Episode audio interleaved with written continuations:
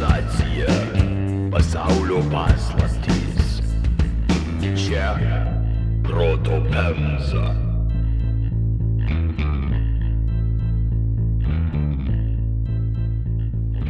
Wow. Okay. Damn, son. Tas katinas. Tarsi dvi fotkės ir vieno iš jų vis tiek kilimas ant sienos. Niekaip nepaslėpsi, kad Rusijoje neįmanoma. Kas tam katinui? Ar jis, Su kontūzijas. Ar tas katinas irgi nuo supinių nukrito? Jie ten susipažino gal. kad- You too, man. Garsų sveikinimosi kriuktelėjimą jums, gerbėmieji klausytojai, ir vėl drioksteli tinklalaidį Proto Pemza. Paprasta, bet neprasta intelektualinių atriaugų šventovė beveik kiekvienai gyvenimo progai. Šiandien, kaip ir visada, iš Punsko ir iš Vilniaus tuo pačiu metu su jumis sveikinasi psichodelinio skrandžio turinio gurmanas Tomas. Oi, oi. Ištirpusių plaučių lepidopteristas Vilius. Labą dieną. Kolekcionuoja Vilius. Ligas plaučiasi savo. Aviacijos šturvalo raitelis Povilas. O, bet irgi gali išgirsti tokią... Mėgst pajot biškant, aš privalau polas mėgti. Bet, uh, nu bet labas, labas. Ir aš, proto Pemzos Tobis Flendersonas Aivaras. Kolegos, pradžiai turiu labai intelektualų klausimą. Su kuo jums asocijuojasi šachmatai? Su ilgu laiku ir strategavimu. Man su uh, 14-15 metų paaugliais dėvinčiais vansus ir Green Day tikriausiai. Šachmatai? Jo, nes šachmatinis tas iš, uh, išspalvojimas, žinai. Nice, įdomu, įdomu. Turbūt su ta scena iš pirmo Hario Poterio, kur nokė paroną. Tai čia rimtai reikėjo atsakyti, ne? Nebūtinai, bet labai įdomus atsakymai ir manau, kad iliustruoja iš dalies tai, ką aš noriu pasakyti. Tai aišku, šachmatai šiandien, ypač jau prieš kelis turbūt dešimtmečius po garsiojo jų virtuozo Bobby Fisherio istorijos, o dabar ir po populiaraus Netflix serialo su lietuvišku prieskoniu Queen's Gambit, yra siejami ne tik su intelektu, savitvarda, bet ir su seksu, narkotikais ir proto feminizmu, bei Harry Potteriu, kaip čia dabar jau po šiandien. Awesome, visi atspėjo mane. ir grindai. Pirmą kartą sužinojau. Šiandien proto Pemza pridės dar vieną raukšlę prie šio, kiek pervertinto, bet tauraus žaidimo paveikslo. Ta raukšlė bus krūvina, atsiduos prastu rusišku alkoholiu, pagirių, koinių ir prakaito smarvę, bei pasipuoš lavondėmių ir skylių kaukolėse buketo koncertu. Taip. Supratote teisingai. Antras epizodas iš eilės kraujo ir brutalizacijos tematika. Taškas. Sveiki atvykę į Aleksandro Pičiuškino, geriau žinomo Bicos parko maniako, Bicevskį maniak ir žudiko su šachmatų lenta, Ubicas šachmatnai Daskoj, pseudonimais istorija. Tikėjausi kitesnės kličkos. Nežinau, kas jiem rašo antraštės, tu čia laikraščiuose, ale ne, nepasistengė. Tomai, turiu tau užduotį. Tu šio epizodo pabaigoje pasakyk kietą pavadinimą šitam žudikui, kokį sugalvotum. Amon. kuris būtų O. geresnis. Tarp pagrindinių šaltinių galima pažymėti du anglakalbius leidinius, jeigu galima juos taip pavadinti. Visų pirma, tai Rodžerio Harringtono plonytė mokykliniu šriftu 2018 metais išleista knyga Alexander Pichushkin – The Shocking True Story of the Chessboard Killer. Antrasis šaltinis - Discovery kanale 2009 metais pasirodžiusi dokumentika Serial Killers – Chessboard Killer. Kadangi pirmasis šaltinis yra tiesiog šūdinai parašytas, o antrasis už kelis atseit ekskluzyvius informacijos elementus taip laižo užpakalį Maskvos policijai, kad net girdisi išdžiūvusio liežuvio braukimas, šiuos šaltinius teko riebiai papildyti informaciją iš rusiškų, daugiausiai žiniasklaidos šaltinių, nes normalios studijos, kaip ir įprasta Rusijai, šią temą kol kas dar nėra išleista. Bent jau mūsų žiniomis. Ten tikriausiai triženkliai eilė stovinčių, kad aprašytų, kas nori, žinai. Kelintas. Jo, jo. Dar jie nedasikasi iki 20 amžiaus pradžios. O, savo greičiausiai, jo, jo. Dar Leninas savo eilės laukia. jo. Aleksandras Pičiuškinas gimė 1974 m. balandžio 9 d. Mitiščių gyvenvietėje netoli Maskvos miesto. Alkoholikas tėvas paliko šeimą, kai Aleksandrui buvo vos 9 mėnesiai, tad vaiką prisėjo auginti motinai Natalijai, kuri kartu su savo tėvu, taigi Aleksandro seneliu Elmoradu, buvusiu frontininku, ėmėsi šitos iškilmingos atsakomybės. Suėjus Aleksandrui dviems metams, šeima persikraustė į Ziuzino arba Ziuzino rajoną Maskvoje, kur gyveno daugiabučiame name Hersonskaja gatvėje dviejų kambarių bute. Ziuzino rajonas mūsų tematikos kontekste išnyra kaip gana įdomi vieta ir dėl, kaip galima teikti, pragariškos kaiminystės bendraja prasme. Tačiau apie tai kiek plačiau mūsų idėjų komposte, kuris yra prieinamas visiems mūsų kontribukams, nepagailintiems pasiūsti mūsų kryptimi kelių grašių per mėnesį, net ir dabartinėje ekonomikoje. Būdamas ketverių, Aleksandras nukrito nuo supinių kieme. Sėdėdamas ant jų jis per daug persisvėrė atgal ir nukrito ant žemės. Pačios supinės nuleikė tolyn, o jaunasis Aleksandras nudribo ant užpakalio. Nespėjau sureaguoti ir tarytum iš niekur atgal grįždama supinių sėdynį trenkėsi jam tiesiai į kaktą. Ir iš tokio, ko, iš tokios komiškos situacijos po to gaunasi serijinis žudikas. gyvenimas Ei. Ei, aš Man močiutė pasakojo, kad anykščiuose buvo ir aišku visoje Lietuvoje, visam pasauliu turbūt buvo vaikų, kurie ir žuvo, pavyzdžiui. Mhm. Taip. Tai vat, vėl Švieski buvo... man vėl. Kam kas, e, nu, nenutinka, bet dėja Aleksandrą reikėjo vežti į ligoninę dėl rimtos galvos traumos. Ketverių metų vaikų kakta vis dar nėra pilnai susiformavusi, o priekinė smegenų dalis Gali būti, kad aš perskaičiau blogai, bet, kaip prašau, yra atsakinga už problemų sprendimus, impulsų kontrolę ir asmenybės charakterio bruožus tam tikrus. O ne, kodėl tos vietos nebūna kur nors, Va. pavyzdžiui, kultūra? Va, aš tą patį pagalvojau, kodėl jinai neužkišta kažkur, kur, žinai, negali. Ne tiek svarbu tikriausiai yra išgyvenimo šitą dar. Na, bet smeg... šitaip evoliucija galėtų biški perstumdyti smegenų centrus, kur kas atsakinga. Ir tuos labiausiai atsakingus jau taip į vidurį sustumt, kad aplinkui liktų tik tai ten batus, pavyzdžiui, nemokės taip, užsirišti. Bet civilizuotos visuomenės jisai būtų puikiai pritapęs, e, galėtų maksimaliai žudyti kiek reikia, kas beveik visais laikais buvo žiauriai pravartus kilas, ta prasme. Ai, Ai, tai dar jeigu tu nori tą daryti, wow. tai savo laiku nesuprastų. jo, jo. O. Vėl, tai nėra kažkaip tai patvirtinta, nu, nes visiems visko nutinka, bet gali būti, kad tai buvo vienas lemtingų momentų Pičiuškino gyvenimo scenarijaus rašyme. Iki incidento vaikas atrodė buvo bendraujantis ir atviras, o po jo tapo impulsyvesniu, lengviau nirštančiu ir apskritai kartais sudėtingiau prognozuojamu. Ale, ale, vyru, žiūrėk, tu mažut biski prašytik reik turėti pas kokį specialistą nueiti iš vis pašnekėt apie tai, kokias tu piktas visą laiką. Ką tu čia nusišnek? Tau reiktų ir raminkis gerai. Wow, wow, wow, vėliau, ramykis, taigi čia visi savi. Nu, kam tu dar kabinėjas? Aš, ži, aš žinau, kas visiems padės. Dar vienas mistebūnėtai, ką atsirado. Ja, Uh, pirmą paklausykit ir pamandykit, o paskui lokit, gerai? Nes yra toks appsas Yours App, sparčiausiai rinkoje auganti mindfulness programėlė. Padeda ieškoti vidinės ramybės, labai jums reikia, su pasakojimais prieš miegą, jogos pamokom arba kvepavimo programom ir kūnui ir sielai. eik to, tai ką man iš vis daryti tam apšai, jau geriau nueišiu pas kokį uh, customizuojamą biohackerį ir jis man uh, pagal mane viską sureguliuos. Se, tame ir esmė, kad kas savaitę Yours App įkelia naujo turinio, kuris uh, dirbtinio intelekto visokiam tam pagalbom yra specialiai pritaikomas kiekvienam naudotojui, net jum apie. Ir nesakai galvos, jungiasi žinodamas, kad neužknis klausytis to paties. Povilai, aš tau milijonierių panašus, kad jogos apsus pirkčiau. Tu... Kaip Aivaras pasakytų, apsiramyk. Turimgi išsidarėję didžiulę nuolaidą Yours App metiniam planui. Sutaupysi net 2 trečdalius to, ką reikėtų mokėti nesant po proto Pemzas blat. Pala, pala. Sutaupyti? Na gerai, Povilai, eurai man patinka. Mirkt, mirkt. Sutaupykite 60 procentų Yours App metiniam planui. Spauskite https yoursapp.com slešas protopemza arba naudokite nuolaidos kodą protopemza. 60 procentų? Iškart geriau pasidarė. Kokį kodą? Protopemza. Arba spausk yoursapp.com slešas protopemza. Kodas protopemza. Daugiau informacijos apie akciją epizodo aprašyme. Apsiraminat, galim tęsti? Galim, galim. Galim.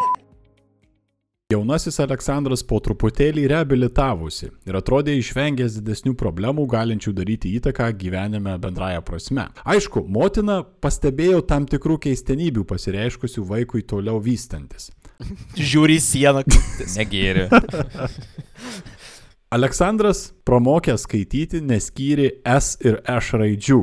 Ši disleksijos forma Pičiuškinui vėliau jau reiškėsi ne tik skaitant ir rašant, tačiau ir tiesiog kalbantis. Visą tai sukėlė problemų ką tik pradėjusiam lankyti mokyklą berniukui. Spėlioti turbūt nereikia kodėl. Kalbėjimo barjerą turintis vaikas buvo vadinamas daunu ir buvo dažnai engiamas. Tai matydamas, Sašos motina vaiką galiausiai nusintė į mokslų krimsti į logopedinį internatą. Bet bendrai paėmus, Pičiuškinas augdamas buvo gana ramus, nekreitė kažkokių tai akivaizdžių zbitkų, jo patenkinti buvo ir mokytojai, ir net bendraklasių tėvai. Aleksandrui ypač patiko šachmatai, užsiminėjo tenisu, mėgo piešti. Privengė kompanijos, buvo šiek tiek vienišius. Šiaip atrodo, dabar įsivaizduočiau, to, nu, kaip apibūdina toks pakankamai ramus vaikas, kur sėdėtų ir su kompu, mm -hmm. turėlį, nu, tipo, didesnę dienos dalį. Ir net nebūtinai, ta prasme, kur jam blogai išeina, žinai, ten išmoksta strateguoti, nu, Jo, toks, visiškai. so, so far so good, ką žinau. Greitai proto treniruotės berniukas papildė ir kūno formavimu. Buto, kuriame gyveno Aleksandras skladuke, jo senelis net buvo pritvirtinęs kersinį, ant kurio Aleksandras mėgo dirbti, daryti prisitraukimus ir visokius kitokius pratimus. Įsivaizduoju, kaip štanginiai tiesiog uh, dvi rankos tą patį handį. Jeigu norite sužinoti, kieno kita ranka taip. tai įdėjo kompostą, kitą ketvirtadienį. Tai ir kaip būtų pasikeitus istorija, jeigu tai būtų įvykę. Meilė kočiojimui matosi.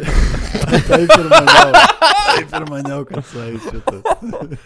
Meilė kočiojimui matosi ir vėlesnėse Aleksandro nuotraukose, kur galime pastebėti, kad vaikinas tikrai ne vien susirietęs prie šachmatų lentos leido laiką. Skladuke skersinį Aleksandrui pritvirtinę senelis čia minimas ne veltui. Jis dėl atsiskyrėliškos Aleksandro Pečiuškino prigimties buvo tapęs be negeriausio Aleksandro draugu, padėjusiu išlaikyti tam tikrą pusiausvyrą gyvenime. Būtent jis ir išmokė Aleksandrą neblogai žaisti šachmatais. Pastarasis taip juose prakuto, kad mėgo rungti su jau žaidžiančiais pagyvenusiais vyrais netoliese namų esančiame Bicos parke kuris taps itin svarbia lokacija mūsų istorijoje. Senelis taip pat gana anksti pasišovė ištraukti savo vaikaitį ir iš logopedinio internato, nes manė, kad Saša yra protingas, o internate dirbama tik su negaliomis, bet neskatinant ko nors iš ties siekti gyvenime. Tai reiškia, kad Saša Pičiuškinas ankstyvoje paauglystėje vėl grįžo į tipinę mainstreaminę mokyklą, kurioje vėl reikėjo tvarkyti su engiančiais bendraklasiais. Bet šį kartą laikėsi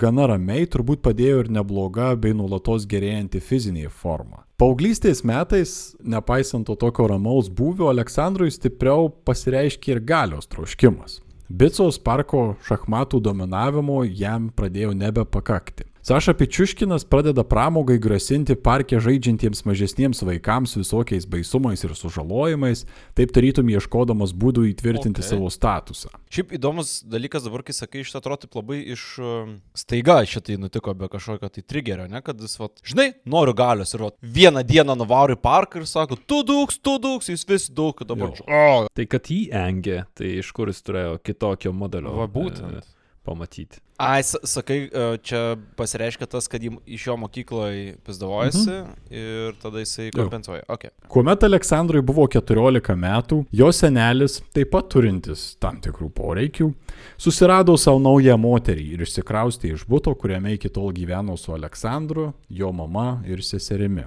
Labai, labai bijojau, ką pasakysi. Aš irgi visai ne to tikėjausi, Saivarai, ačiū tau. Čia yra geriausias, kaip galėjo pasibaigti šitas sakinys iš tikrųjų. Kitaip pagalvoja, ne? Jo, senelis, kuris turėjo pork ir galvoja, o, ne. Dabar bus viskas aišku, dėl ko tai buvo. Deja, ne. Ką reiškia dėja? Jo, ką reiškia dėja, ne. Dėl to, kad Aleksandrui šito įvykio nuryti lengvai nepavyko.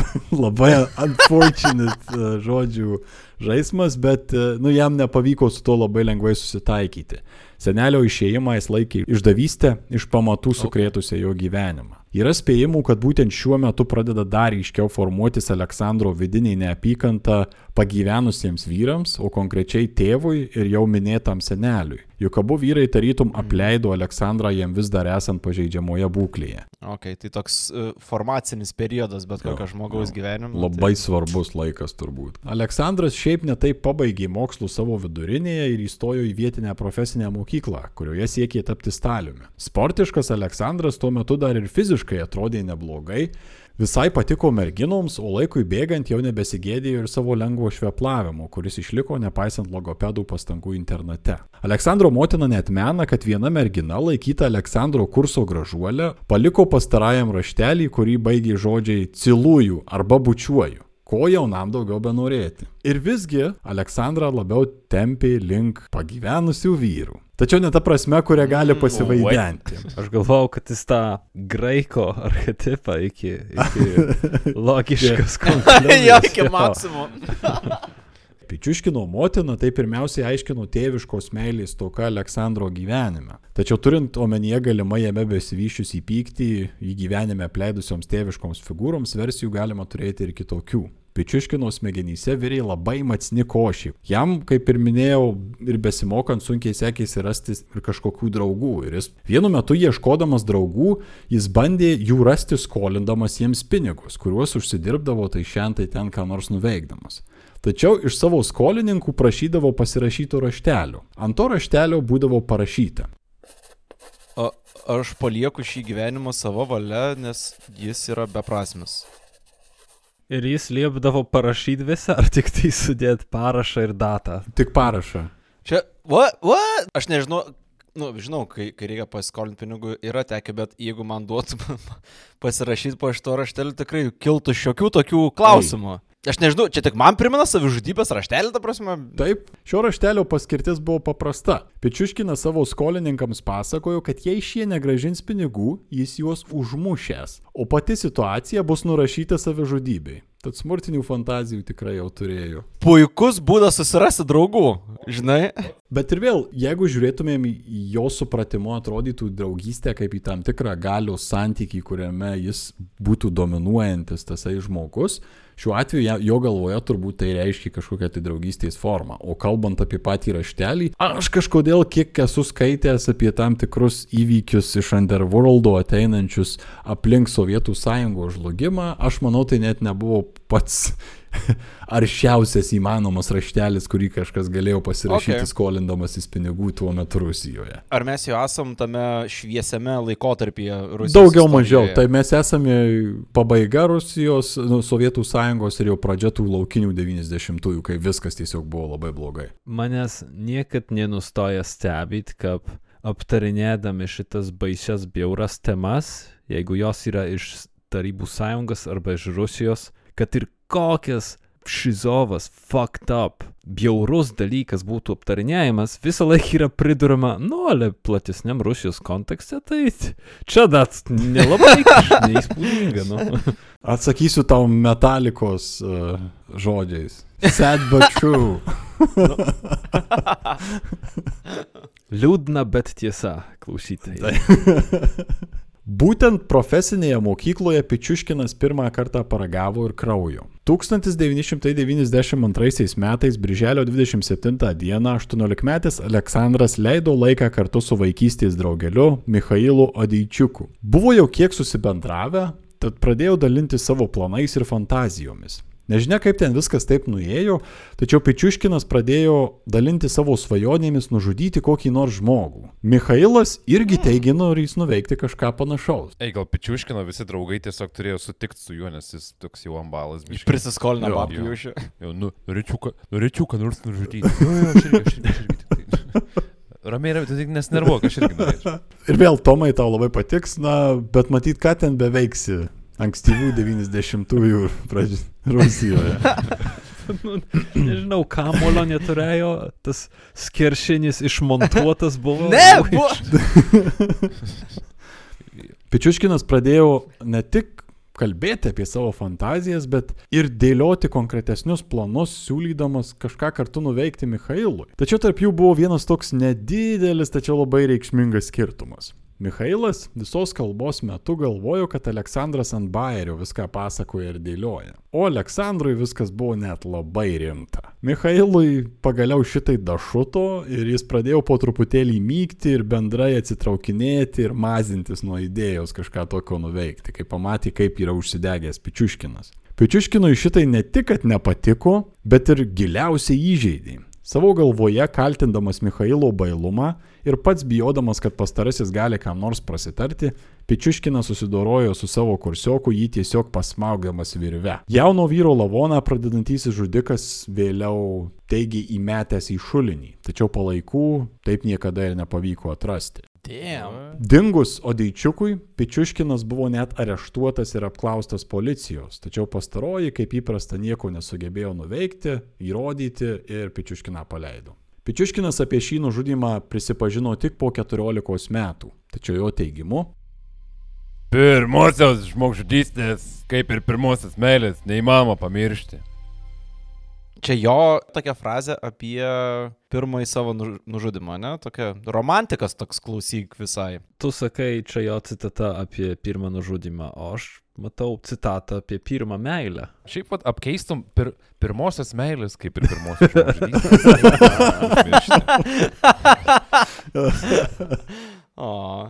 Valentino dienos kortelė, labai atvirukas. jo labai ir dar geras. ta fotkė, kuris pusnuogį su katinu stovi. Tobulas. atvirukas. O! Vėliau Pičiuškinas teigė, kad tų pačių metų pabaigoje jis nužudė dar vieną žmogų. Aleksandras tuo momentu buvo ką tik išsiskyręs su savo mergina vardu Olga. Pastaroji gana greitai po to pradėjo susitikinėti su tokiu Sašos draugu Sergejumi. Nepaisant išsiskyrimo, Aleksandro santykiai su nauja pora atrodė pakankamai draugiški. Pičiuškinas toliau bendravo su Sergejumi, net dažnai lankėsi jo namuose. Tačiau vieno tokio susitikimo metu Pičiuškinas, tebe laikydamas lastį už Olgą, nutaikęs momentą savo romantinį konkurentą žemyn galvą išmetė pro jo paties balkoną. Galite numanyti, kas liko iš Sergejaus nukritusio veidų į žemę iš tikrai ne pirmo, ne antro ir net ne trečio daugiabučio aukšto. Išsitaškiusio ant apačioje esančio asfalto Sergejaus mirtis buvo pripažinta savižudybė. Aleksandrui vėl niekas nieko neprikišo. Ei, gal rado raštelį, ne?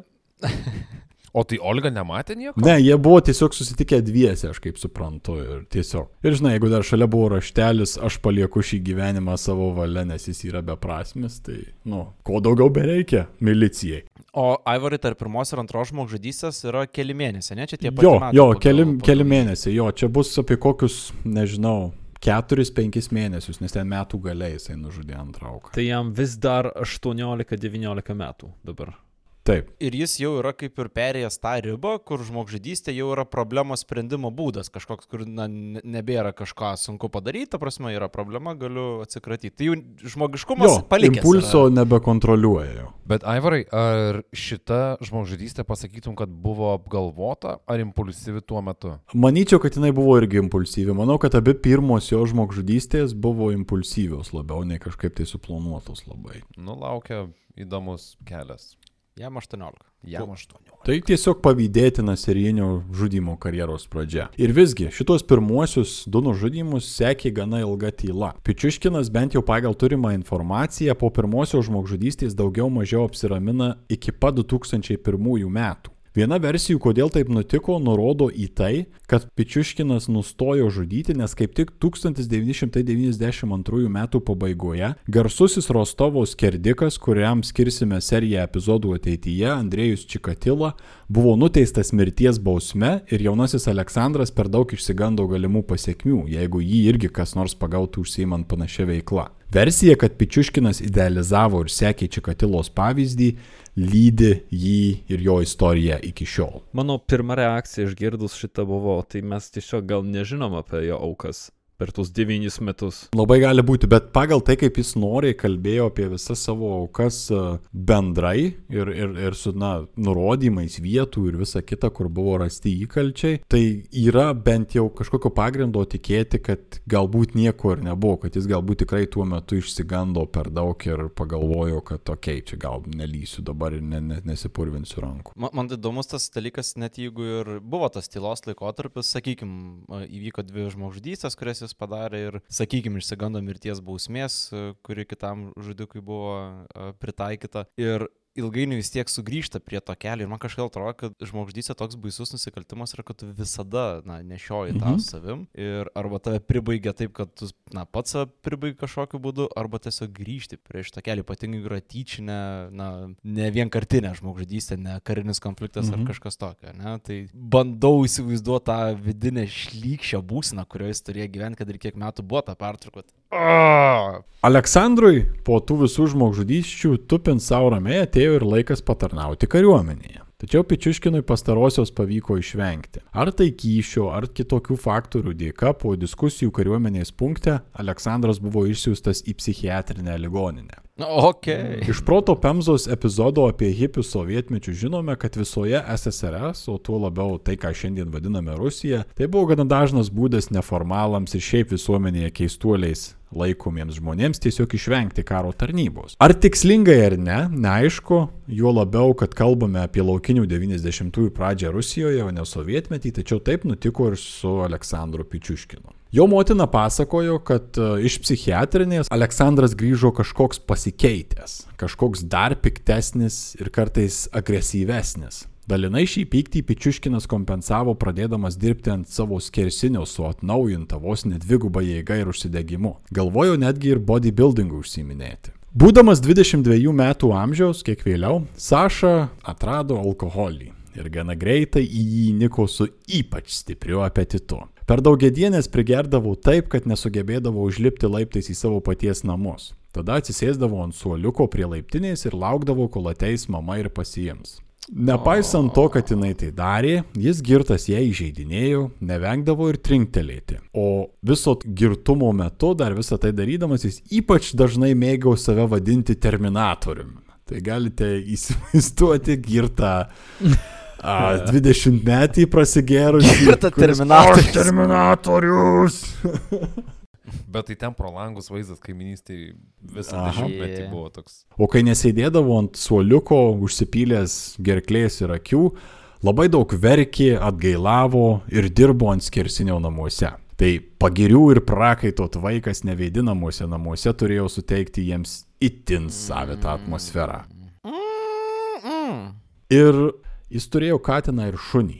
Juos ypač mylėjo ir lepino kaip tik tai galėjo. Tai šitie du objektai jo gyvenime buvo tie, kurie susilaukė jo visokiojopos meilės. Nepaisant visko, nepaisant to, kad yra labai tvirtai ant alkoholizmo kelio, Aleksandras nesėdėjo be darbo. Grįžęs ir apsipratęs, jis įsidarbino vietinėme prekybos centre, kuriame dirbo kroviku. Ten bedirbdamas spėjo išsinarinti ir kairę ranką, kurią reikėjo operuoti, tad buvo perkeltas iš sandėlio į salę, kurioje dėliojo prekes į lentynas. Tačiau dar turime ir momentą, kai šiaip gana fiziškai pajėgus jaunas vaikinas įgauna ir savotiškai raišų žmogaus reputaciją, kas galėjo prisidėti prie ilgą laiką jam priskiriamo nekenksmingo girtuoklėlio įvaizdžio. Bet ramus darbas Aleksandrui laimės netnešė. Pičiuškina lydėjo frustracija dėl nuobodulio, vienišumo ir turbūt bendro gyvenimo pilkumo. Su moterimis kažko pradėti rimčiau taip pat nesisekė, nors bandė bent kelis kartus. Gali būti, kad čia jau ir alkoholis darė savo net ir jo išvaizdai, kuri anksčiau taip traukė kursiokės. Vidinis pyktis, kasdienybės pilkuma ir nuo pat paauglystės besivelkančios iš paskos smurtiniais fantazijos suporuotos su eksesyviu alkoholio vartojimu nežadėjo nieko gero. Po kurio laiko turbūt toptelėjau, kad Rusija, kaip tyčia, nuo 1996 metų buvo paskelbusi moratoriumą mirties bausmės skyrimui ir vykdymui šalyje. Idėjos pradėjo konkretizuotis. Kodėl nepabandžius vėl ką nors nudaigoti tam, kad pasijausčiau gyvenančiu? Žudžiau tam, kad gyvenčiau. Nes kuomet žudai, tu nori gyventi. Man gyvenimas be žudimo yra kaip uh, gyvenimas tau be maisto. Aš jaučiausi tėvu visiems tiems žmonėms, nes aš atvėriau jiems duris į kitą pasaulį. Ta, aš neseniai klausiausi podcast'o apie DC Sniper, labai uh, garsi irgi byla ir tenai policijai serijinis žudikas siuntė laiškus ir garso kasetes, kuriuose, kur visa žinutė savo pradėdavo sakiniu Call me God, vadinkit mane Dievu. Tai tas galios elementas ir nėra toks retas reiškinys. Atrodo, neiškentė, nepaminėjęs savo didžiausios silpnybės, to dalyko, kuriam labai trū, Jo, trūksta, jis jo. tiesiog pasako tiesiai šviesiai apie tėvą. Aleksandras Pičiuškinas pagaliau savo girtoje galvoje sukurpęs mintį ėmėsi ir veiksmų, pradėdamas savo širpo kampaniją. Matydamas puikią terpę ir prisimindamas, kad gali tai padaryti praktiškai, jis pradėjo žudyti pirmiausiai asocialius žmonės, benamius ir alkoholikus. Vėliau persimetė ir ant pažįstamų žmonių, nes kaip teigia pats, Žudyti tuos, kuriuos pažįsti, yra ypatingai malonu. Serijinius žudimus Pičiuškinas pradėjo, o galbūt, galima sakyti, ir atgaivino 2001 metais. Pičiuškinas keliaudavo į Maskvoje esantį Bicos parką, šiandien žinoma Bicevskio parko pavadinimu. Pasirinkimas buvo paimtas ne todėl, kad pavadinimas rimavosi su Bytskė, kurią Saša taip mėgo kačelin. Bicos parkas visų pirma buvo patogus, nes radosi netoli jo namų. Tačiau dar svarbiau buvo tai, kad tai buvo tobula erdvė panašiai medžiokliai. 22 kvadratiniai kilometrai gamtos, daugiausiai miškų, kuriuose galima slėpti daug negerų dalykų. Padėjo ir tai, kad po parku yra didelį vandentiekio ir kanalizacijos sistema, aptarnaujanti vos ne visą centrinę Maskvą. Tai reiškia, kad po visą parką buvo išsibaršiusi daugybė šulinių, į kuriuos tyčia ar netyčia galima ką nors pliumptelėti ir per daug nesijaudinti dėl išmetamo daikto sugrįžimo. Ypač jeigu nenori, kad jisai sugrįžtų. Blogiausia dalis, kad viskas, ką tu dabar pasakai, tinka Vingio parkui, bet... Uh, uh, ok. Bicos parkas buvo toks patogus, kad, kaip pasakojo Pičiuškinas,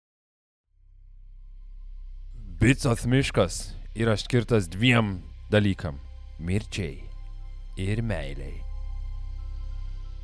Nu toks nepataisomas romantikas tiesiog. Visiškai. tarp kitko, paauglystėje bandė rašyti eilės, už ką susilaukė tik tai dar daugiau patyčių. tai čia gali būti bandymas dar šiek tiek ir tą paplėtoti pusę. Aivarai, klausimas, e, tas citatas, kurias mes jo girdime, yra ar iš jo kokio dienoraščio, ar jau iš jo bylos kokios vėlesnės? Dienoraščio yra pora gal, bet šiaip daug yra iš jo interviu ir tai, ką jis pasakojas ir, ir, ir taip toliau. Tai jo, šitos dalykus, jie yra, dalin, dalis jų yra apgalvoti ir turbūt nušlifuoti, laukiant interviu ar kažką ar apklausos. Mhm. 2001 m. gegužės 17 d. Pičiuškinas Bicos parke žaidė šachmatai su pagyvenusiu vietiniu, ką tik paleistu iš izolatoriaus už e, savo žmonos sumušimą Jurijumi Proninu. Pasibaigus žaidimui, Pičiuškinas užsiminė, kad kaip tyčia šiandien yra jo mylimo šuns mirties metiniais ir jis kviečias jūrą nueiti kartu prie jo kapo. Atrodo kaip tipinis žudiko melas, kurį jis beje taikė ir kitoms savo aukoms. Yra įdomu tai, kad tame buvo dalis tiesos. Minėjau, kad Pičiuškinas turėjo šunį ir katę. Jis šunį ypač mylėjo ir kuomet Anas paseno ir jo net letenos pasidavė, Pičiuškinas jį vis tiek nešiodavo po parką, lyg tarytum badydamas jį pavedžioti. Ilgainiui šuo aišku apleido šį pasaulį. Aleksandras jį palaidojo Bicos parke ir ilgai jo gedėjo. Tad gali būti, jog jis Prodiną išties vedėsi prie savo šuns kapo. Pasiekus nuo šalia parko vietą, be kažkokių ryškesnių žymių, Pičiuškinas išsitraukė degtinės butelį. Jurijus nebuvo durnas ir šnapso niekada neatsisakė. Abu vyrai sugėrė šuns garbė. Tai sugėrus, Pičiuškinas netikėtai Proniną griebė iš už nugaros, uždaužė galvą tuo pačiu degtinės buteliu, iš kurio kartu su juo gėrė. Mhm. Sudaužytą Pronino kūną atgimimą pajutęs žudikas išmetė į netoliese proskynoje buvusį šulinį, kuris buvo rastas tik po kelių savaičių. Įdomu, čia šita, jis nėra proceso žudikas, Ne. jam visiškai neįdomu visą tai, kas vyksta, tiesiog atrodo kaip iškrova kažkokia, kuri... Vėliau šitas elementas šiek tiek pasikeis, bet aš irgi manau, kad jisai yra labiau produkto žudikas. Ok, bet šiuo metu mes turim, ta prasme, impulsyvų žudiką, jeigu aš teisingai suprantu, Jo. ta prasme, užsimaniau, padariau ir, ir, ir net netrodo, kad yra kažkokios ten tos pasiruošimo iš tam dalykui, ne? Kaip tu ir sakai, kad jie gal ir ėjo link kapo šuns ir jam tiesiog vienu metu susišvieta kažkas ir dana, ne? Tai čia šiuo momentu. Okay. Bet vat įdomu, ar jis sugalvojo nužudyti jį dar kai jie žaidė, ar kai tik tai atėjo prie to šuns kapo. Kiek toli tas impulsas Jo, neša? Gal ką nors apie šunį negražaus pasakė. Va, va. Aš iš to, ką skaičiau ir iš to, ką pavyko išsikasinėti, tai jau kai jie kėlėsi nuo šachmatų lentos, uh, Pičiuškinas žinojo, ką jis nori padaryti, Pronino. A, ok. Pronino istorija nubrėžė gairias bent jau ankstyvajam Pičiuškino metodui. Maniakas viliodavo dažniausiai pagyvenusius vienišus alkoholikus ir bomžus, kuriems siūlydavo išgerti ir pažaisti šachmatais ar nueiti prie tariamo jo šuns kapo. Tai jam nebuvo sunku padaryti. Nors didžiuliais talentais Pičiuškinas nepasižymėjo, jis turėjo keistą savybę greitai rasti bendrą kalbą su žmonėmis ir leisti jiems jaustis gana ramiai esant su juo. Už tai jis buvo mėgiamas ir kasdienėme gyvenime. Kad ir koks prasilakęs, tačiau atrodytų visai neblogas psichologas. Galbūt prisidėjo ir tai, kad nebuvo labai aukštas, mėgo intelektualiu laikomą stalo žaidimą, leidęs aukoms prisigerti kiek tik anie nori, jis taigiai puldavo juos ir užmuždavo. Nes tai ir būdavo lengviau, kai vos pastovi ant, ant kojų kažkas ir daug lengviau turbūt Jo, jo. uždaužyti. Tai irgi nėra toks didelis drąsuolis, ne, kad rinktųsi vat, į- iššūkį. Jo. O, okay. Tai yra kartu galbūt ir metodo dalis, kad, na, jis nebuvo ir galbūt visiškai pragerę savo smegenis ir durnas, jisai, jisai žinojo. Man tai bent peršasi, kai mes kalbame apie tą metodą, prie kurio dabar prieiname, kaip vyko pats žudimas. Pičiuškinas gana greitai nusprendė, kad reikia ne tik aukas daužyti rankomis ar šiaip sunkesniais objektais, tačiau patikimumo dėliai naudotis ir įrankiais. Spėkite, kokį įrankį jis pasirinko. Pjautuvą. Plaktuką. Um, oblių. Povilas vienintelis yra išmokęs savo pamokas gerai. A, nors a, Pičiuškinas eksperimentavo ir su kitais įrankiais, jis galiausiai apsistojo ties plaktuku, kuris yra labai neblogai žinomas proto pemzos klausytojams. Jis nebuvo naudojamas visada be išimties, tačiau atliko be ne pagrindinį vaidmenį daugelį žmogžudyščių, kurių bent jau dešimt nutiko vien 2001 metais. Ok. Taip, tai čia vien per vienerius metus ir čia ir tai yra tos, kurios buvo rastos, nes, na, bendrai suma yra daugiau. Plaktukas, aišku, nelygus plaktukui. Kartą uždaužinėjant vieną iš daugelio aukų, tokį 36 metų Olegą Lavrenkovą, metalinį Aleksandro naudojamo plaktuko dalis, bemosuojant tiesiog nulėkė nuo medinio koto. Tai rimtai išgazdino Pičiuškiną, kuris nuo to laiko nusprendė pirkti tik geriausios kokybės įrankius. Puikiai vieta reklamai. Taip, aš norėjau sakyti, kad čia kažkur turėtų būti super edgy senukų ar mokė veži reklama, bet kadangi jos neturim, tai aš nežinau. Vieta jūsų reklamai, kreipkitės protopenza.gmail.com. Kaip teigia pats Pičiuškinas, tokie atvejai parodo, kad reikia laikytis tam tikrų standartų net ir jo veikloje. Trikšti žmonės yra ne tas pats, kaip kalti vinis. Tam turėtų būti naudojami tik patikimiausi įrankiai. Nenorėdamas purvintis rankų, Aleksandras visada dėvėdavo statybinės pirštinės. Iškart po nužudymo plaudavo krūviną plaktuką netoliese esančiuose parko vandens telkiniuose, o drabužius skubėdavo skalbti namuose. Tai čia mes uh, kalbam apie tą planavimo momentą, kad visgi nebuvo viskas Jo, taip, jo.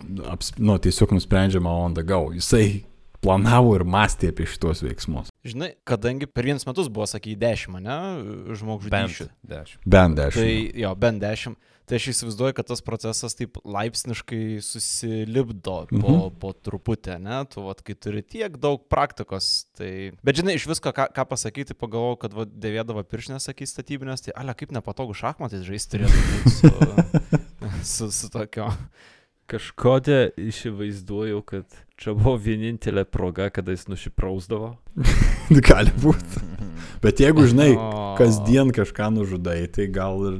Švarus vaikštai. Reikia praustis, reikia kažką užkapot. O ką mama, pavyzdžiui, visų tuo metu? Mama nieko. Mama klausimas, kiek jinai ir dalyvavo jau tame asmeninėme gyvenime. Atrodo, kad bendrai yra toks tiesiog, kad jis grįždavo ir gerdavo ar, ar kažką tokio, ir niekas nelyzdavo jam akis, nes jis nebuvo socialus žmogus, kaip ir minėjau Mhm. pradžioje. Gal, gal mama irgi raštelį buvo parašius. Gali būti. Tai bet kokiu atveju tie, tas toks apgalvojimas, kad ir koks jisai atrodytų trivialus, jis padėjo. Jau ir taip žiopla policija ir čia nesvarbu, ką sako apie ją Discovery savo laidose, bandydami plauti Maskvos policijos mundurą. Policija ignoravo žmogžudystės metų metus ne, ir negalėjo ar nenorėjo rasti jokių pėdsakų ar ant spaudų. Daugiausiai, ką jie galėjo padaryti, tai įtarti, jog iš šalia Bicos parko esančios psichiatriniais ligoniniais vienas iš pacientų yra pabėgęs ir dabar slapstosi po mišką bei žudo nekaltus praeivius. Jo. Tai aišku, niekur nenuvedė, nes buvo nieko nepagrįsta nesąmonė. Tai jie tiesiog sugalvojo komiksinį paaiškinimą šitai situacijai. Yra super villain kažkur, kuris pabėgęs nuo situacijos bando. Visiškai. Tai yra pabėgęs iš psichiatrinės, bando, bando visą tai padaryti. Kai realybėj tų aukų skaičius didelis buvo tikriausiai tik dėl to, kad jis visos buvo socialinėse paraštėse. Taip. Nes e, niekam absoliučiai neįdomu realiai, ar jeigu alkoholikai parkuose, jie dinksta be žinios ir niekam, niekam Taip. nerūpi tikriausiai. Jeigu žinai būtų žudęs oligarchų vaikus, tikriausiai nebūtų tiek galėjęs su... su, su Jo, visiškai. Puikiai. Negyvais kūnais Pičiuškinas iš pradžių atsikratydavo vienu ir paprastu metodu. Juos tiesiog įmesdavo į kanalizacijos šulinius. Kai kur tai yra vadinama jo požemių periodu. 2001-2005 metų laikotarpiu tuose šuliniuose buvo rasti iš viso bent 29 nužudytų žmonių kūnai. Ir čia tik tai kalbame apie tuos, kurie buvo tuo metu rasti. Vien 2002 metais Pičiuškinas nudobė 14 žmonių. Tarp jų buvo ne tik pagyvenę vyrai. Tais, tais metais tarp lavonų buvo rasta nužudyta moteris, per kurios sutalžytą galvą buvo sukalta visa sauja metalinių vinių. Čia eksperimentavo What? Pičiuškinas šiek tiek su kažkokiu nail kalnu, kurį buvo nusipirkęs, nes bandė visokiausius įrankius. Moters tapatybės nustatyti iškart nepavyko. Ir čia noriu taip a, priminti, ar pamenate buvusią Sašos merginą Olgą? Taip. Tai va, Pečiuškino teigimu, per tardymus ten buvo būtent jie, užmušta paties Aleksandro. Meilės trikampis buvo efektyviai uždarytas iki vieno taško plokštumoje. Jau. O, Matematikams čia... e, Geometrija. Ge geometras. Geomet- Tikras. Antrą kartą pasimaunant to paties. Ar buvo aptikta kažkokie um, seksualinio pasitenkinimo elementai šitoj vietoj? Ne. Kažkoks a, prievartavimo žymės ir taip toliau ne. Čia jam kačialka yra realiai. Jo, jisai šituo neužsiminėjo, jis gal ir turėjo tam tikrą pasitenkinimo momentą, apie ką kalbėjo visokie psichiatrai, bet jisai ne, nebuvo tas, kuris, nu, nežinau, užsiminėtų masturbaciją, pavyzdžiui, kaip darė Slivko ar kažkas panašaus. Jis to nedarė. Ir jis aukų nekankino. Vienas smūgis ir Taip, jisai tiesiog jas uždaužydavo, jam buvo tai įdomiau. Vėliau šiek tiek tas pasikeitė, bet, bet iš esmės tas modus operandi toks išliko, kad jis uždaužydavo, jis nebuvo tas, kuris ten kažkaip bando eksperimentuoti su tais kankinimo metodais. Pats Pičiuškinas vėliau teigė į požemius 2001-2005 metų periode numetęs net 43 kūnus. Ir tarytum šaipydamasis kaltino policiją, kad ši per prastai ieškojo, nes kitu atveju būtų ne tik tuos visus kūnus suradusi, tačiau ir daug greičiau jį sugavusi. Žudiko cinizmą dar geriau apibrėžia viena trumpa jo replika vienoje situacijoje. Viena iš jo aukų, 61 Genadijus Safonovas, žudiko buvo užmuštas, kuomet pabėgo iš netoliese esančio narkologijos centro, kuriame buvo gydomas nuo alkoholizmo. Paklaustas apie šį atvejį, kai jam papasakojo apie auką, Pičiuškinas tiesiog atvėmė. Nebūtų pabėgęs, būtų gal ir gyvas. Ir gali būti negertų. Aišku, jis ir dabar negeria. O, širpas perė net polai. Nužudyti žmonės dažniausiai buvo pakišami po dingusių bežinios kategoriją, nesiterliojant rankų jokiais tolimesniais tyrimais. Daug ką apie paieškas pasako ir tai, kad kai kurių aukų net nerado pilnų. Kažkas buvo be galvos, bent vienos aukos buvo rastas vos žandikaulis ir dar keli kaulai, nes tyrėjų abejingumas ir lėtumas leido gyvūnams kūnus tiesiog ištasyti po parką gabalais, nes ten buvo daug benamių šunų. Blemba, plaukiau per ranką. Jo. Vėlgi, bet kokioje kitoje šalyje, jo. žinai. jo. Ir visa tai vyko tikrai ne todėl, kad policija nežinojo, kad kažkas negero vyksta Bicos parke. Man kalbant, turbūt irgi atrodo, kad prasigėręs Pičiuškinas buvo vos ne genijus, tobulai mėtęs pėdas.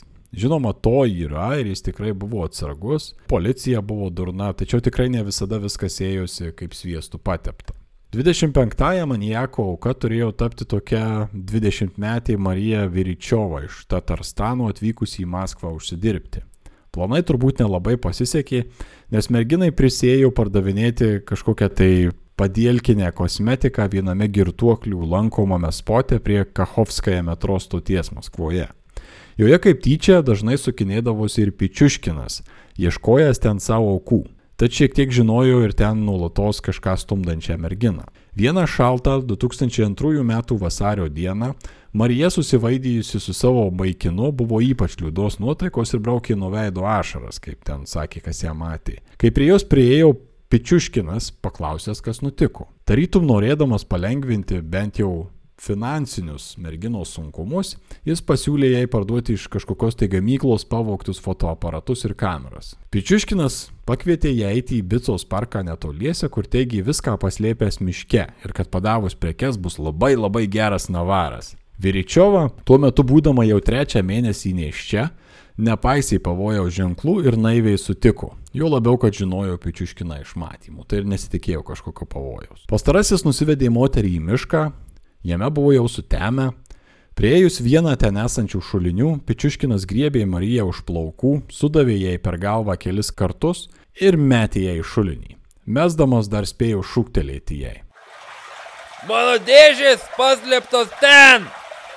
Marija dar spėjo užgriepti ir bandė laikytis pirštais už šulinio viršaus, tačiau nepakako jėgų. Jos rankos atsileido ir neiščia moteris krito 8 metrus žemyn. Šulinio dugne plaukė vandens srovė, įplaukianti į likusią vandentikio ar tai kanalizacijos sistemą. Tad nors ir sušvelnino tas rovė kritimą, mergina jinai tuo pačiu metu ir nusinešė, kuomet jį pasiekė vandenį. Tik vienu metu jai pagaliau atsigavusių šoko ar sužeidimo pavyko užsigriepti už kažkokio metalinio sieto ir kojomis kažkaip tai atrasti dugną ir sugebėti atsistoti vienoje iš tos kanalizacijos rovės vietų. Besilaukianti moteris stovėjo iki pusės apsemta ledinio vandens.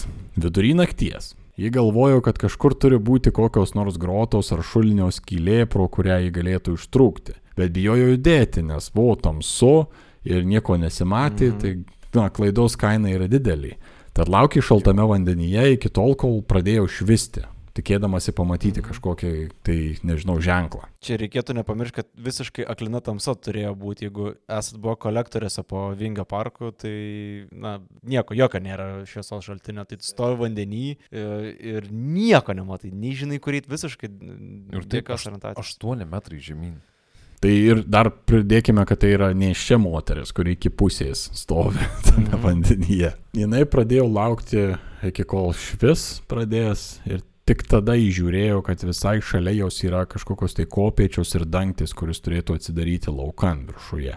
Vargais negalais jį išstūmusi, mergina netekusi jėgų tiesiog iš to šulinio iškrito ant žemės ir neturėjo jėgų jau kažkur bėgti, ieškoti pagalbos. Jai beliko tik tai silpnai rėkti, iki kol buvo rasta aplinkui vaikščiojančių moterų iškvietusių jai ir greitąją pagalbą. Gydytojai buvo apstulbinti Marijos ištvermės. Dėvėdama tik suknelę ir pėtkelnes, ji pusę nakties išbuvo ledinėme vandenyje ir dar sugebėjo išsaugoti vaisių savo iščiuose. Tačiau pati Viričiova nebuvo linkusi labai daug kalbėti didelę dalimi ir dėl to, kad neturėjo leidimo gyventi Maskvoje. Bet, nepaisant visko, ji papasakojo pareigūnui, bent jau apie visą bandymą ją nužudyti ir net užsiminė apie Aleksandrą, įvardindama jį konkrečiai. Tačiau pareigūnui buvo tiesiog visiškai dalampački, ką kažkokia moteris užsiimanti neaiškia veikla jam pasakoja. Tyrimas net nebuvo pradėtas. O, Rastai. puikus policijos darbas, na tiesiog e, fantastiškai. Visiškai. Ypatingai kaip tu minėjai, kad jie žinojo, kad tam parke kažkas vyksta ir staiga yra parke bandymas nužudyti ir... Eh. Kartais Pičiuškina lydėdavo net neteisės saugos cinizmas, o tiesiog griniausia sėkmė. 2003 metais nutiko panaši istorija su paties Pičiuškino kaimynu, dabar tik nežinau ar iš tos pačios laiptinės ar tiesiog iš to paties pastato, bet kaimynu - Konstantinu Polikarpovu. Pastarajam geriant su Pičiuškinu parke, Aleksandras tris kart trenkė jam galvon plaktuku ir taip pat įmetė į šulinin. Polikarpovui irgi kažkokiu būdu pavyko išsikapanoti iš visos tos situacijos.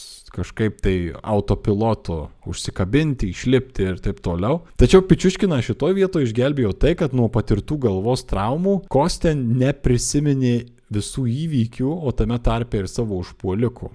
Tai po šito įvykio Polikarpovui tiesiog sėdint ant suoliuko ir bandant atsipaipalioti, nu, kol atvažiuos greitoji pagalba, kurią iškvietė kiti žmonės, pats Pičiuškinas prie jo prieėjo, atsisėdo šalia ir paklausė, kas jam nutiko ir kaip jisai jaučiasi. Nes What? Polikarpovas visiškai ne, neprisiminė. Tai kaimynai taip ir liko kaimynais, kas turėjo sukurti gana įdomų paveikslą žiūrint iš šalies, kai žinai, kas ką tik nutiko.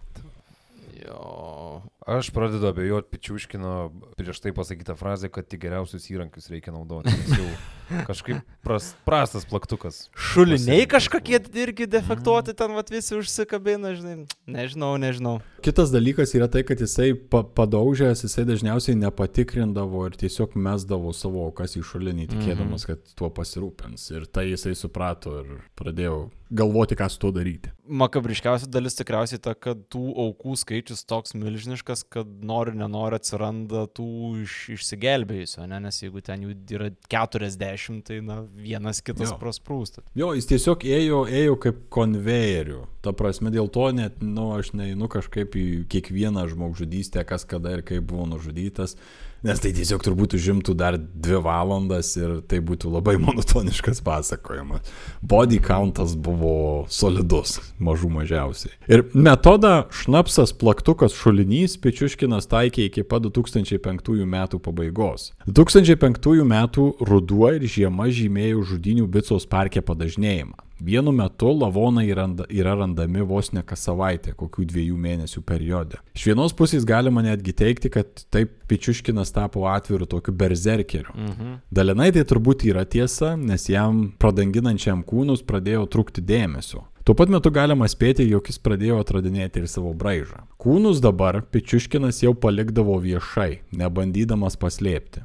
O ant tų kūnų nužudytų jis padarydavo tai, ką jau galima laikyti jo firminiu ženklu. Koks tai ženklas? Auka vis dar kaip ir anksčiau buvo sudaužoma brutaliai su plaktuku per galvą. Tačiau šį kartą tikslingiau. Galva tos aukos buvo daužoma taip, kad galiausiai galvoje atsirastų didelė skylė. Po to į praskeltoje ar sulaužytoje kaukolėje žiojančio žaizdos skylę buvo įkišama medžio šaka, pagalys arba įspraudžiamas tiesiog tuščias alkoholio butelis. Tai buvo modus operandi, kurį žudikas jau taikė iki pat galo. Čia yra po keliasdešimt aukų, ta prasme.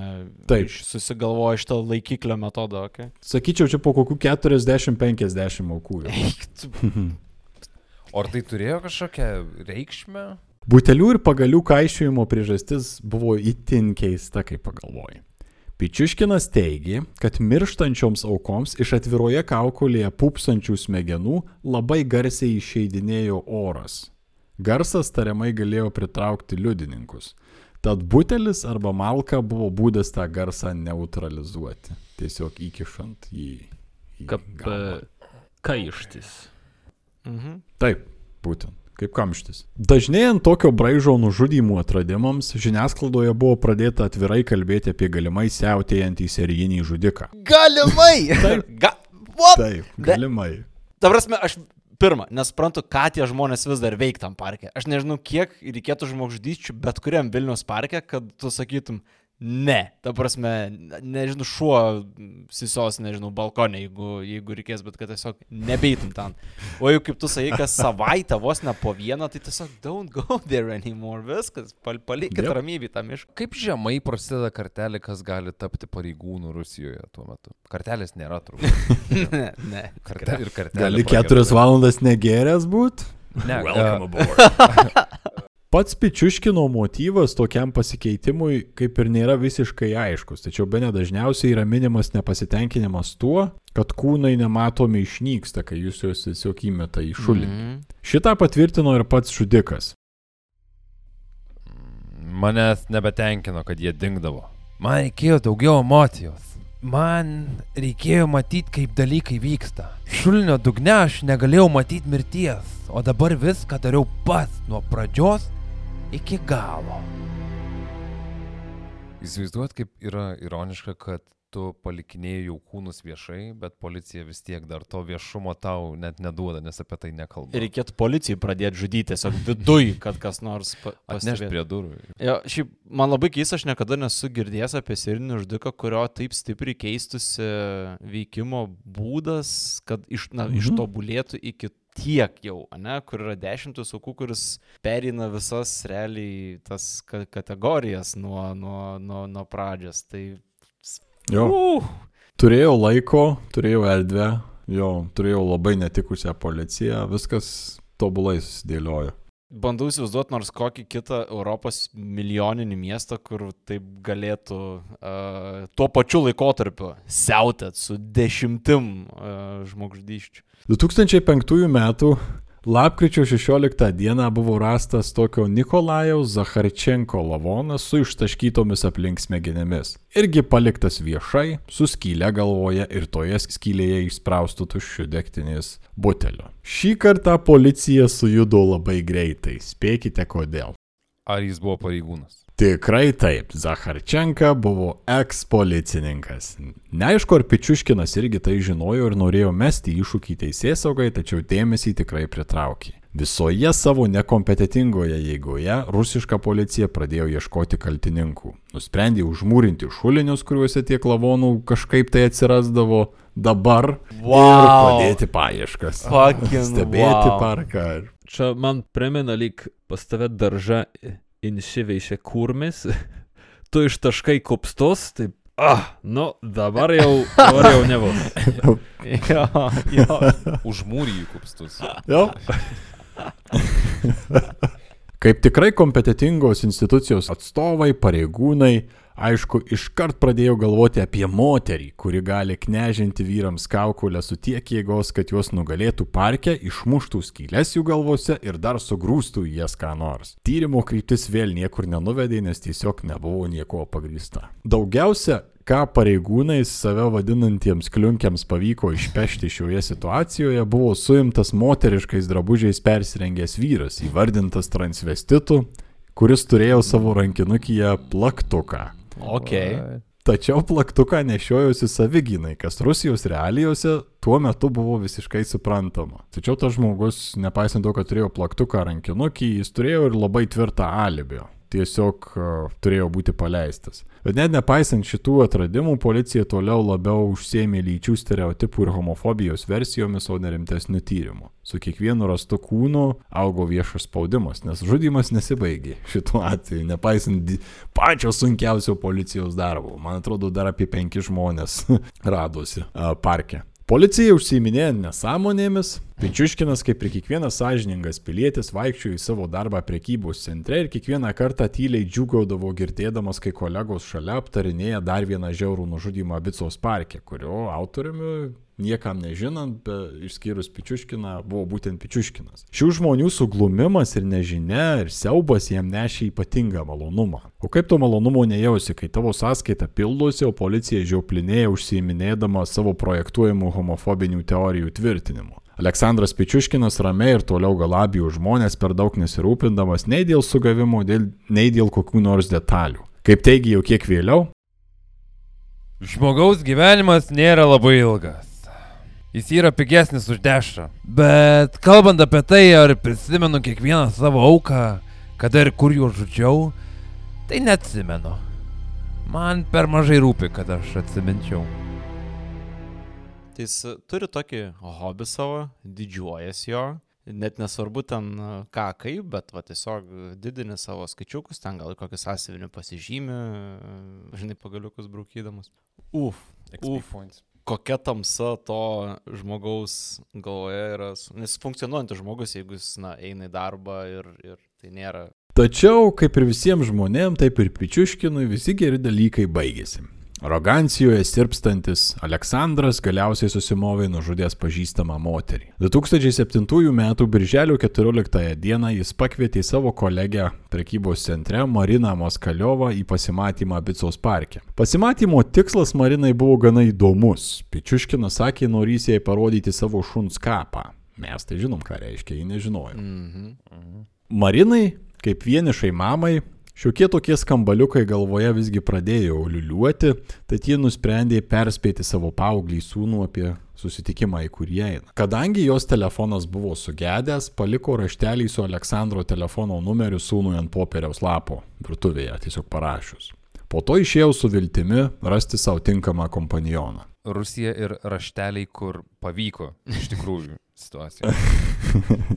Eina in pirmą pasimatymą in serijinio žudiko parką, pagarsėjusi visoje Maskvoje kaip serijinio žudiko parkas. Aha, nu tai. Bet, ap- bet apsisaugojo, nes paliko raštelį. Taip, plus uh, ko, kolega, su kuriuo dirba jau kuris laikas, turbūt visai ten susibendravo, viskas su juo atrodė normalu, nu maža ką. Plus, kaip ir norėjau sakyti, desperacija iš jos pusės turbūt buvo tikrai didelė, kadangi vos prieš kelias savaitės iš tos pačios parduotuvės, kurioje dirbo Moskaliovas su Pičiuškinu, dingo jų kolegijai Larisa Kulygina kurią Marinai, aišku, to nežinant, užmušė tas pats Aleksandras Pičiuškinas. Na, Bet fantastika šitas tiesiog. moteris nesustabdė, ji nepagalvojo apie tai. What? Ta prasme, kiek dar tų raudonų vėliavų tau reikia?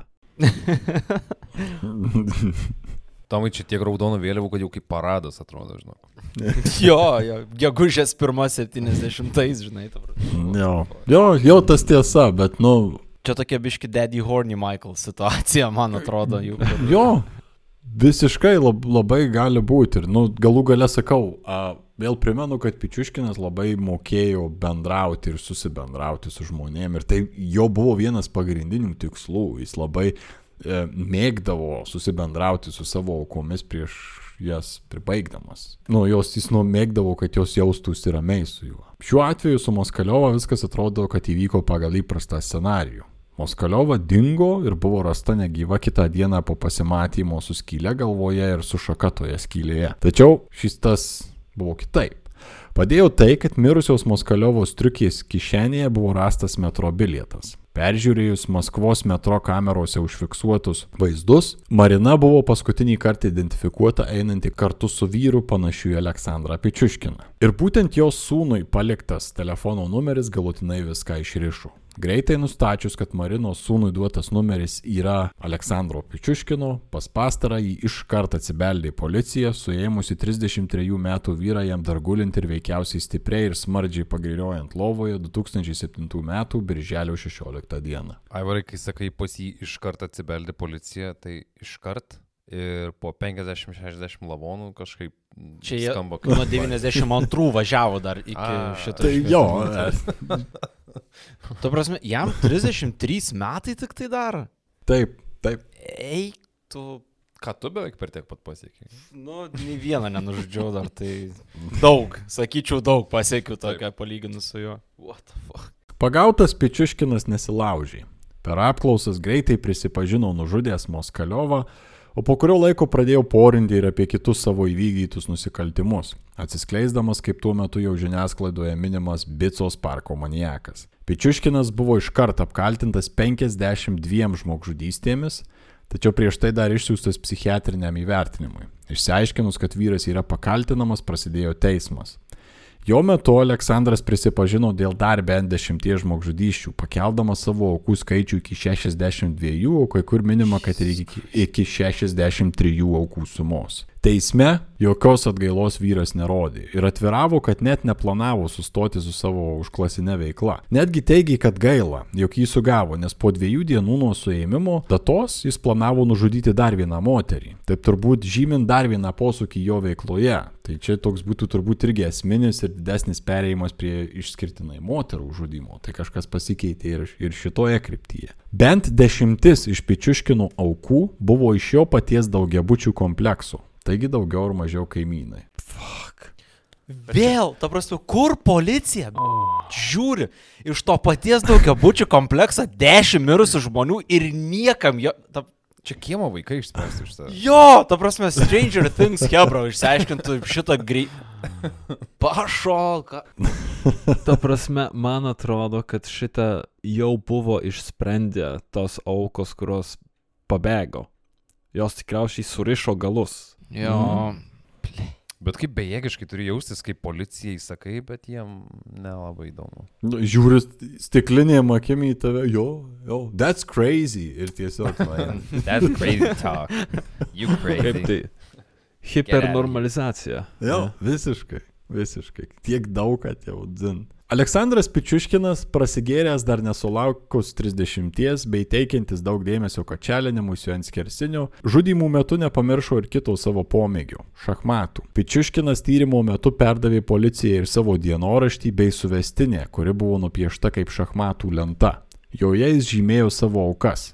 Lentoje buvo užpildytas 61 laukelis iš 64. Peršasi mintis, kad dar truputis ir savo darbelius Pičiuškinas būtų pabaigęs. Bet tardymų metu iškilo kita versija. Kaip pasakojo galvožudys, pačioje žudymų pradžioje jo galvoje gimė planas užpildyti visą šachmatų lentą aukomis. Taigi užmušti 64 žmonės. Jis tą žymėjimą pradėjo berots po Sergejaus nužudymo, mhm. po antrosios savo aukos, iškart pažymėjęs du. Laikui bėgant apetitas tik augo. Aleksandro teigimu, pabaigęs su šachmatais jis planavo nusipirkti rusiškų šaškių lentą. Ant šios lentos yra net šimtas langelių. Level up. Tokioje situacijoje teismo nuosprendis buvo atitinkamas. Dėka moratoriumo mirties bausmiai už 49 įrodytus nužudymus ir 3 pasikėsinimus Aleksandras Pičiuškinas 2007 m. spalio 29 d. gavo kalėjimą iki gyvos galvos su nurodymu pirmus 15 metų praleisti vienutėje. Uf, ok. Taigi teoriškai iki šių 2022 m. spalio jis ten tebesėdi ir turėtų rudeniop, žiemop jisai iš ten išlysti. Į... Gen Pop. Gen Pop. Ir net tada Pičiuškinas nestabdė. Net ir būdamas teisme prašė pridėti dar 11 žmonių. Skaičius ne tik prieitų iki gražaus 60-uko, tačiau ir kaip teigia jis pats. Aš pagalvojau, kad nebūtų sąžininga pamiršti apie kitus 11 žmonių. 2007 m. pabaigoje po teismų Pičiuškinas buvo perkeltas į sustiprinto režimo koloniją pavadinimu Poliariniai pelėda. Kalėjimas randasi Harpo gyvenvietėje Poliarinėme Uralo kalnų segmente. Tai šiknų, šiknų, šiknoj Rusijos.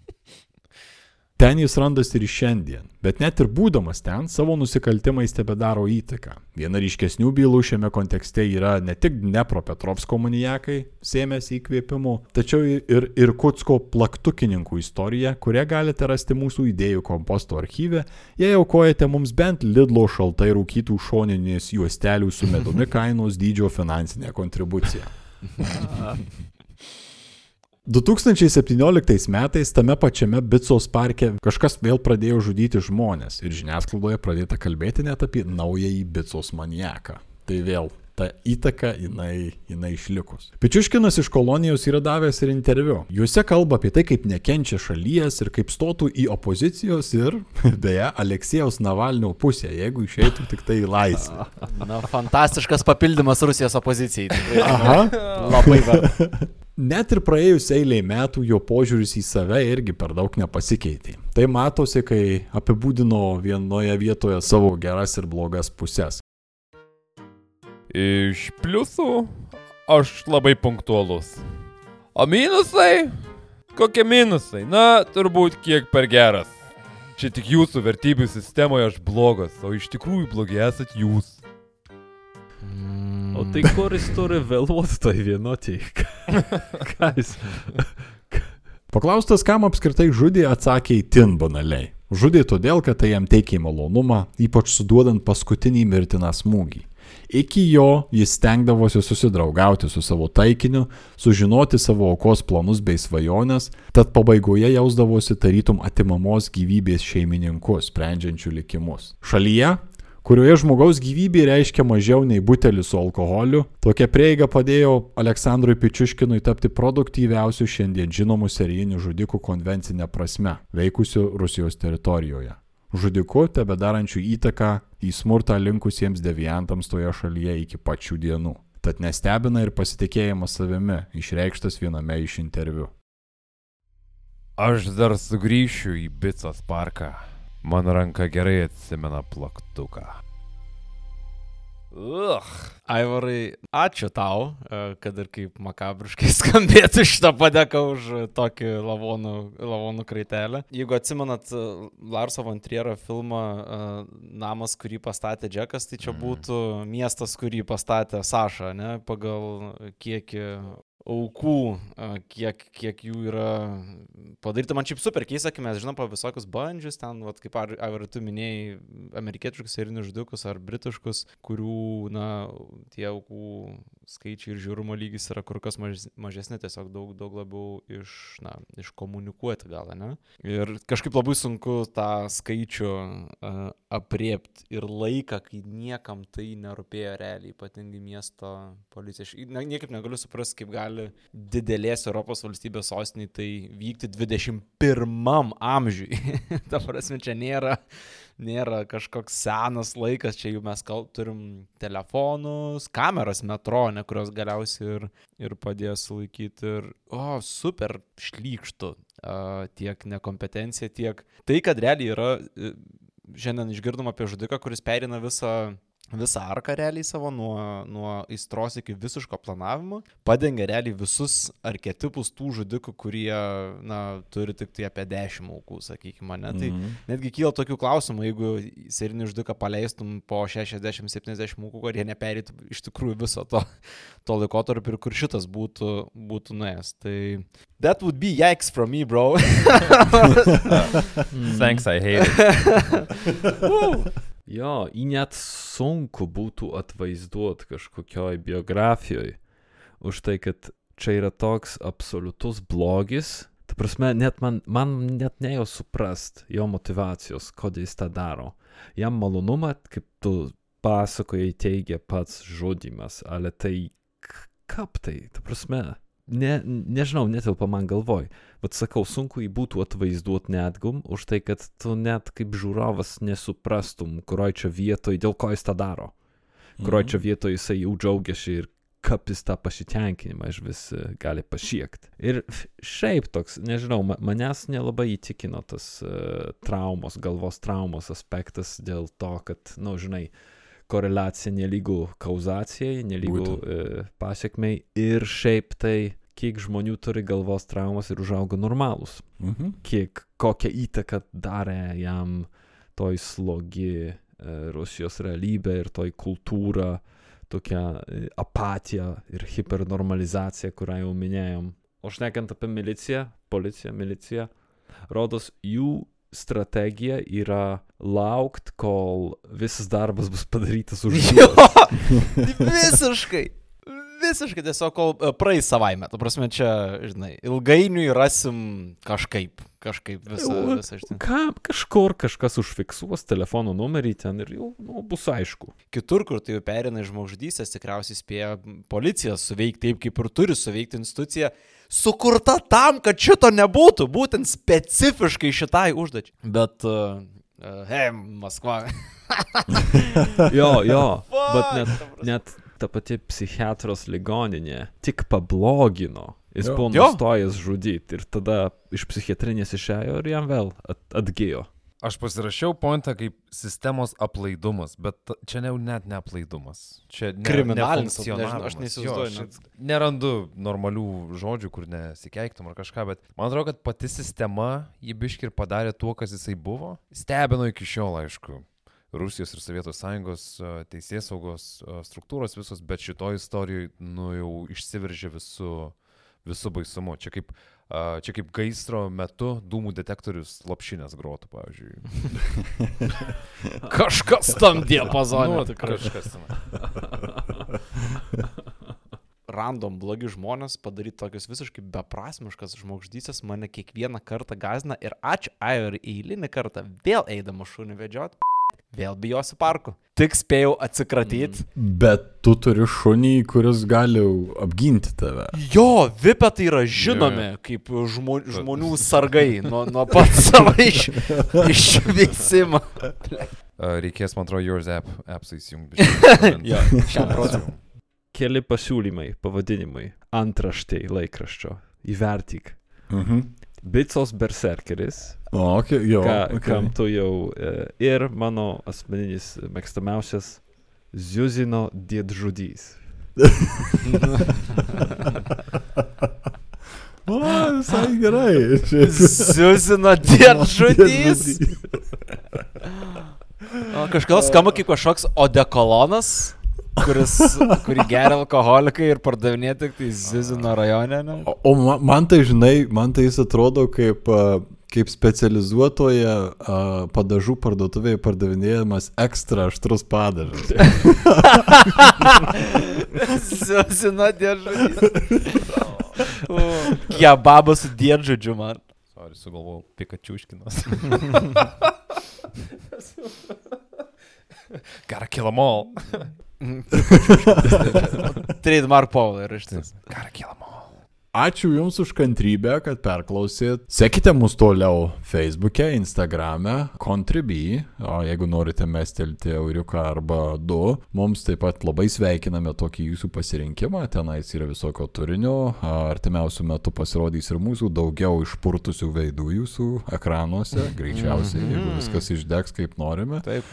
Blizginkite ekranus, kad matytumėte ryškiai viską. Tiek Taip, jeigu norite matyti mūsų patinusius paakius ir visą kitą, tai prašom, labai kaip tik kontribi yra ta vieta, kurioje tai galite pamatyti. Ir galiausiai, žinoma, Algymantas Čekuolis kažkada yra pasakęs, kad reikia savo kaimynų kalbas mokėti, bet esame linkę teikti, kad reikia mokėti arba bent žinoti kažką apie savo artimiausių arba istorinių kaimynų politinę, ekonominę ir kultūrinę situaciją. Tai šiuo atveju jums gali pagelbėti mūsų brangaus komandos nario Tomo kūruojamas skyrelis Ką šneka Lenkija su Jo. Aš, lenkiška e, aš. aš nieku lenkiškai, kad jums nereikėtų. Ačiū. Ačiū Tomui, kad už komandą paėmė šitą. Tai jo, visi atsargiai vaikščiokit, saugokitės šuliningų vietų, Vingio parke atsargiai vaikščiokit. Neikit jau Vingio parką, skipinkit keliam mėnesiam tiesiog šitą. Jeigu kas siūlys prie šuns kapo nueiti, tai... Jo, ne, kad šiaip- ir su dviem degtinės buteliais. Jeigu kas nors e, kvies, neikit! Čia Raudona vėliava, raudona vėliava, raudona vėliava, neikit, neikit, neikit. Neikit. Vėliau čia perspėjimas aukom ar patarimas... Perspėjimas savo labiau. Jo, visiems skanių pietukų, a, minkštų plaktukų ir Gražaus susitiksime jo kitais kartais. Gerai. Iki. App, uh, Iki. Iki. O pabaigai, kaip ir visada, ypatingo matsnumo padėka mūsų didiesiems podcastinio kokteilio pirkėjams. Didžiulis ačiū surinkame Emon Zaemon, Albinui M, Agnutei, Simonui, Ninskaitei, Mikipūrui, Sandrai, Rugiliai M, Doviliai V, Augustai L, Simui B, Jovitai K, Gabijai D, Karoliui P, Aušrai, Migliai P, Jurgitai Z, Benediktui, Agnietei, Daliai, Gretkai, Ugniai A, Antemeridijam, Sandrai M, Medeinai M, Austėjai S, Mariui V, Gabrieliai, Nerijui, Aistei V, Linsei, Giedriui N, Juratei B, Eimantui, Jolitai, Robertai, Gerdai V, Ernestai, Viktorijai, Monikai B, Gintariai G, Gabrieliai, Voltaire Punk, Mindaugui, Aleksandrui N, Eugenijui, Juliui A, Astai, Semui G, Mindaugui J, Dan, Rimantui L, Vaidui Bu, Mildeliai, Persivaliui, Doviliai V, Linai J, Brigitai S, Astai, Arnoldui, Marijai T, Anastasijai, tavo tėvui, Arvydui, Mindaugui V, Gretai V, Sauliui S, Donatui T, Edvinui J, Justinai S, Akviliai, Ufonautui, Teindrei, Rasai S, Gretai A, Greitai R, Rokui M, Vygai, Greg, Kerniui, Rūtai Paulinai, Tomai, Vitalijai, Evelinai I, Gabrieliui S, Rolandui P, Tadui M, Indrei G, Gergerdai, Ahmed Kalt, Riokui, Justinui, Domantui T, Aurimui B, Artūrei, Jovitai M, Simui,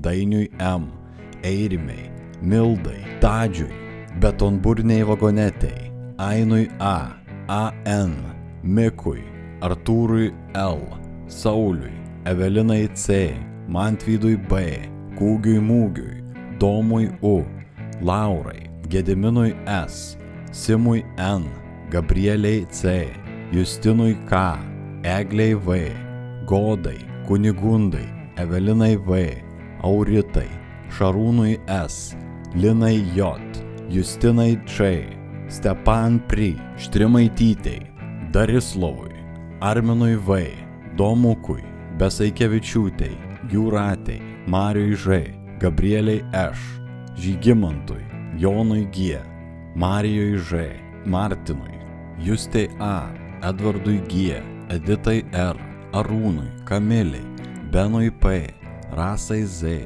Kotrynai, Dominikui S, Tadzikučiui, Dariui M, Astai Š, Tomui, Gretai, Remigijui, Ingridai P, tavo tėvui, Rimai, Andriui Andreliui, Simui D, Žygimantui A, Dariui M, Gretai R, Andriui K, Vaidui M, Mildai, Audriui S, Barškalui, Ingridai, Andriui, Gretai R, Giedriui, Akučkaitei, Agniai, Plento vaikiui, Jorindai K, Rasai, Povilui V, Marijui V, Edvinui D, Tomui B, Egliai Č, Julijai, Tomui S, Robertui P, Mantui K, Šarūniai, Indrei L, Vytautui J, Mantui V, Dariui K, Dėdei Tomui, Alvitai Č, Mariui, Dovydui V, Emantui Z, Viliui, Skirmantei, Monikai B, Kristinai D, Aidai L, Skanartui, Egliai B, Ritai G, Marijui N, Linai, Gintai A, Pauliui R, Mantui T, Lukui Ba, Inesai G, Gaudentui B, Mykolui V, Lukui N, Dariui, Raimondui Ž, Renatai, Povilui, Ievai, Inai, Tadui, Aisčiui, Gailiai, Mirandai Z, Monikai, Justin G, Ievai T, Irmantui P, Ubikui, Dariui, Rūtai, Urtei, Dievui Agurkui, Virjau Punk, Petrui M, Liudui U, Richardui, Rūtai Z, Karoliui, Rasai S, Paškevičiūtei, Zabirkai, Jacksonui, Kristinai, Rasai D, Raimondui Kill, Karolinai, Egliai, Povilui, Solveigai, Vytautui, Justui P, Almantui, Migliai, Indrei Dai, Justinai, Karolinai Š, Audriui, Lauritai D, Tomui Petk, Gintariai S, Augustinui Matu, Venslovaitei, Rūtai G, Trų Aurimui, Rūtai, Gvidonešiui, Povilui, Irmantui, Giedriui A, Lukui V, Martynui, Agniai S, Ingridai K, Elijui J, Martynui V. ir Simonui U. Ačiū, jūsų paramos ir palaikymo dėka Protopemzos krapštas ir toliau gali kultivuoti klausytojų mintis naujomis kraujo, ugnies ir brutalizacijos variacijomis. Iki kitų susiklausimų.